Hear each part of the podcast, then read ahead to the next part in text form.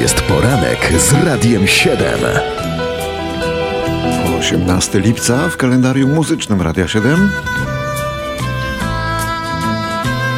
A na początek rok 1937, czyli rok urodzin Jacka Fedorowicza. Pan Jacek to przede wszystkim satyryk i aktor oraz autor niezapomnianych skeczy radiowych. To ogromny życiorys, nie próbujemy go streszczać. Fedorowicz wychował ze dwa pokolenia radiowców. Tworzył pionierskie formy rozrywkowe w magazynie 60 minut na godzinę w trudnych czasach dla satyry, bo w czasach PRL-u. A pan Jacek zaczynał przecież jeszcze w latach 50. w kabarecie Bim no i jakoś sobie z tym radził. Odwiedzał nas tu nieraz. No a teraz trzeba by czymś zilustrować te jego urodziny. Dobrze, to myślę, że to coś zaskoczyłoby nawet jego samego. Amur. Ona lubi rzekę Amur i ona się cieszy z tej wycieczki. Druchna. A najbardziej Druchna cieszy się z tego, że on wie, wie jej druh, jak się tam dostać, na pewno wie.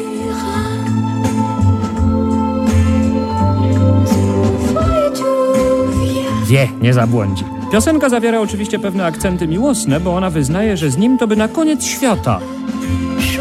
Szła by na koniec świata z nim. A nie, nie ma się czego wstydzić, to przecież nic takiego. Tutaj troszeczkę źle chyba przetłumaczyliśmy, bo ona o tym temie mówi jednak z aprobatą. No nic. Państwo się może dziwią, że w tekście piosenki nie uwzględniono tych wszystkich rzeczy pakowanych do plecaka. On to załatwia krótko stwierdzeniem, że wezmę rzeczy najpotrzebniejsze. Mówi i nie ma się nad czym rozwodzić.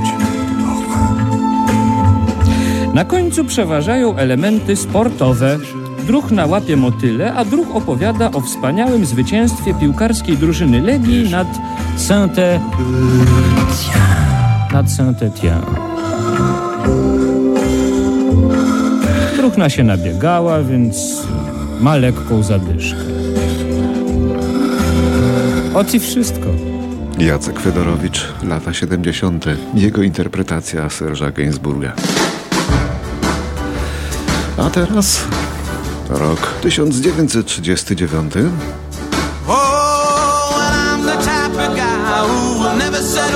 Urodził się Dion DiMucci, piosenkarz amerykański włoskiego pochodzenia, znany też jako Dion. Miał spory wpływ na kształtowanie wczesnej ery pop music, no i był idolem, co by nie mówić. Wielu wzorowało się na nim, a jego sława wybuchła w latach 50., ale zgasła jeszcze w 60. Ale co ciekawe, mimo podeszłego wieku, Dion DiMucci występuje do dzisiaj. I jest w świetnej formie.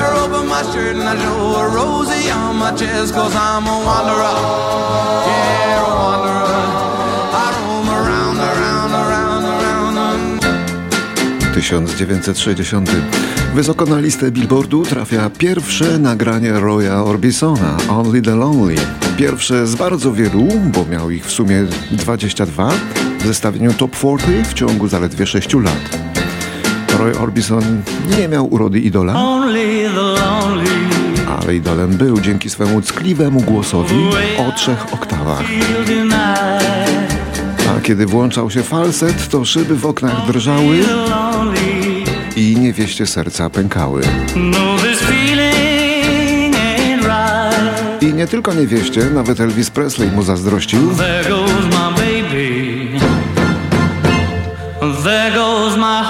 A Roy Orbison ani nigdy nie uczył się śpiewać, ani nie znał nut.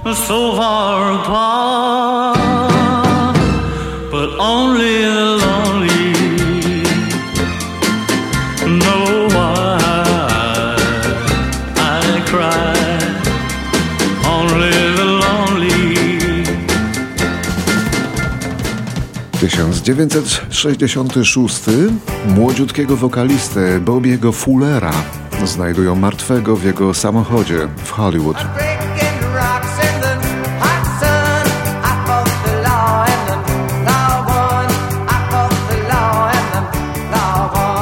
Uznano to za samobójstwo, potem za wypadek, choć pewne dowody sugerowały zabójstwo. Jego ubranie było nasączone benzyną, w płucach też znaleziono benzynę. Zagadki nikt nie wyjaśnił nigdy. Bobby Fuller miał dopiero 22 lata. Jego najbardziej znaną piosenkę, nagraną kilka miesięcy przed śmiercią, właśnie słyszymy.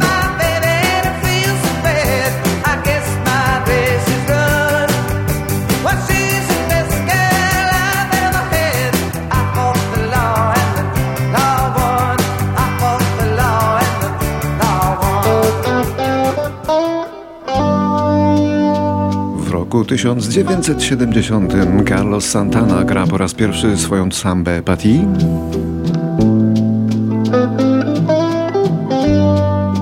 Natomiast w Polsce, w sopockim hotelu Grand, otwarta została pierwsza dyskoteka w Polsce.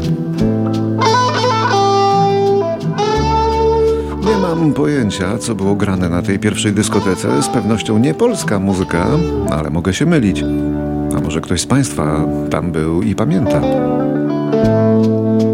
No, tak czy owak, musimy zagrać yy, coś z tamtych czasów. A w tamtych czasach, czyli w roku 1970, w Polsce ukazała się akurat jedna z pierwszych płyt z muzyką z zachodu. To była płyta grupy Christie, a na niej między innymi ten oto pamiętny przebój.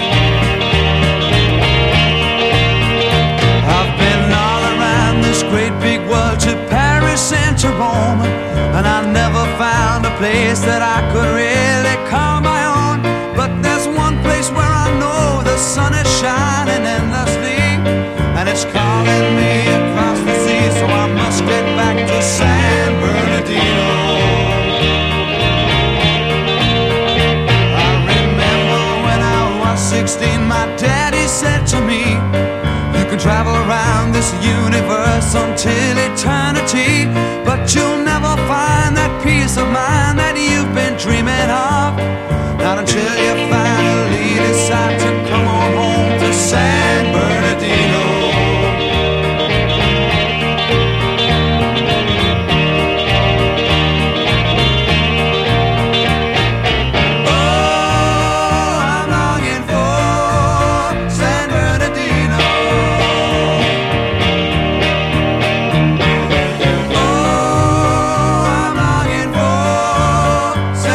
1975 przyszła na świat raperka MIA albo Mia, bo pisała się tak z kropkami jak skrót, bo jej nazwisko było bardzo trudne do wypowiedzenia.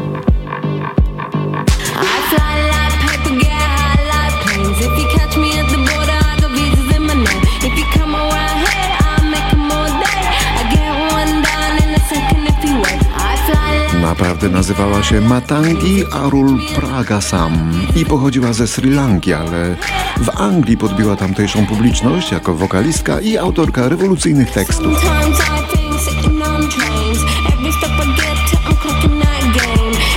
Jej rewolucja i jej kariera skończyła się jednak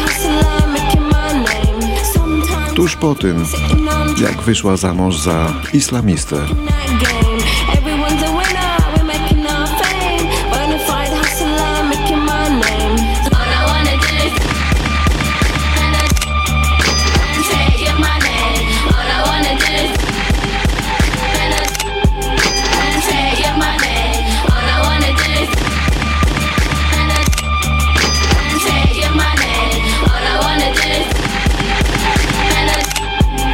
Skok do lat 80. teraz. W 83 roku wytwórnia EMI otworzyła dla zwiedzających studia Abbey Road, tym samym czyniąc z nich jedną z największych atrakcji turystycznych Londynu. Bo w studiach Abbey Road, położonych przy Abbey Road, przypomnijmy, nagrywało wiele gwiazd, ale przede wszystkim Beatlesi.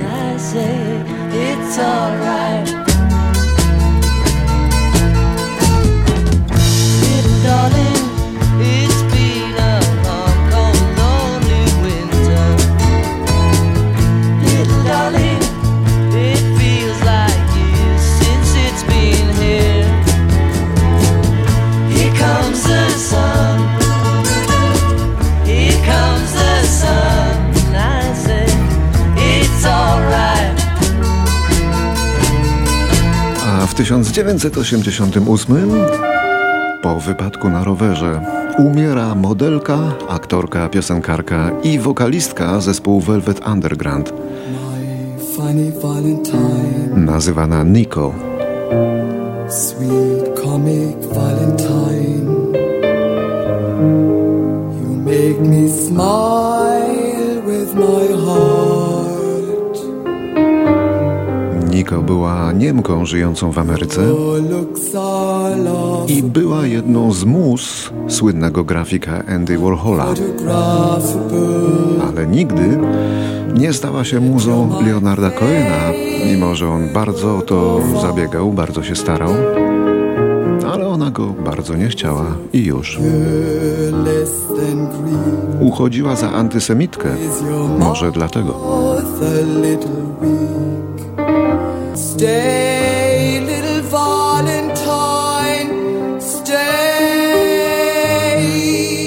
W 1992 roku Whitney Houston wyszła za mąż za Bobiego Browna i to był początek końca kariery tej wspaniałej wokalistki. Odtąd było już tylko gorzej i gorzej, zwłaszcza jeśli mówimy o nałogach, których wcześniej ta utalentowana artystka nie znała.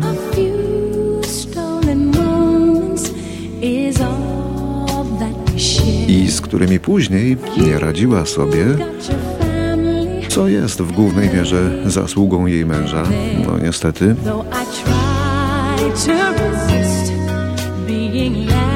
Ale to jest moja prywatna opinia i nie muszą się Państwo z nią zgadzać.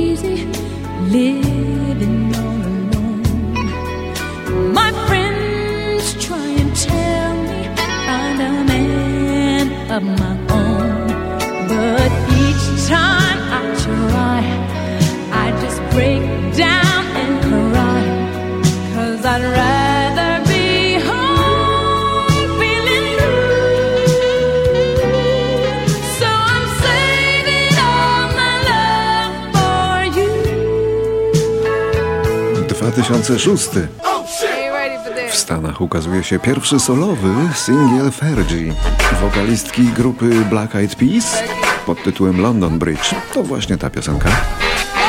Utwór ten pilotował debiutancki album tej piosenkarki, choć jak na debiutantkę, to i tak wszyscy ją znali.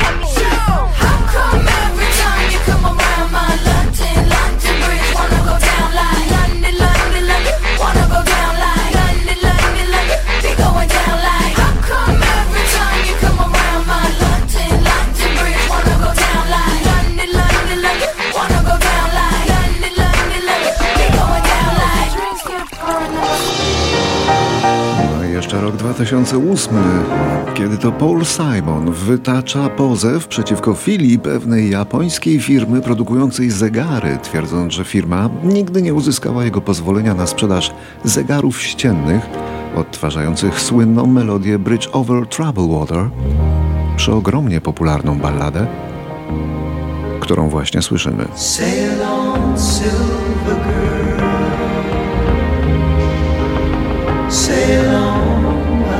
Gdyby firma zapłaciła odpowiednią opłatę licencyjną, to zgodę by dostała, ale taka licencja kosztowałaby ją co najmniej milion dolarów. Więc spróbowali na skróty. Nie opłaciło się.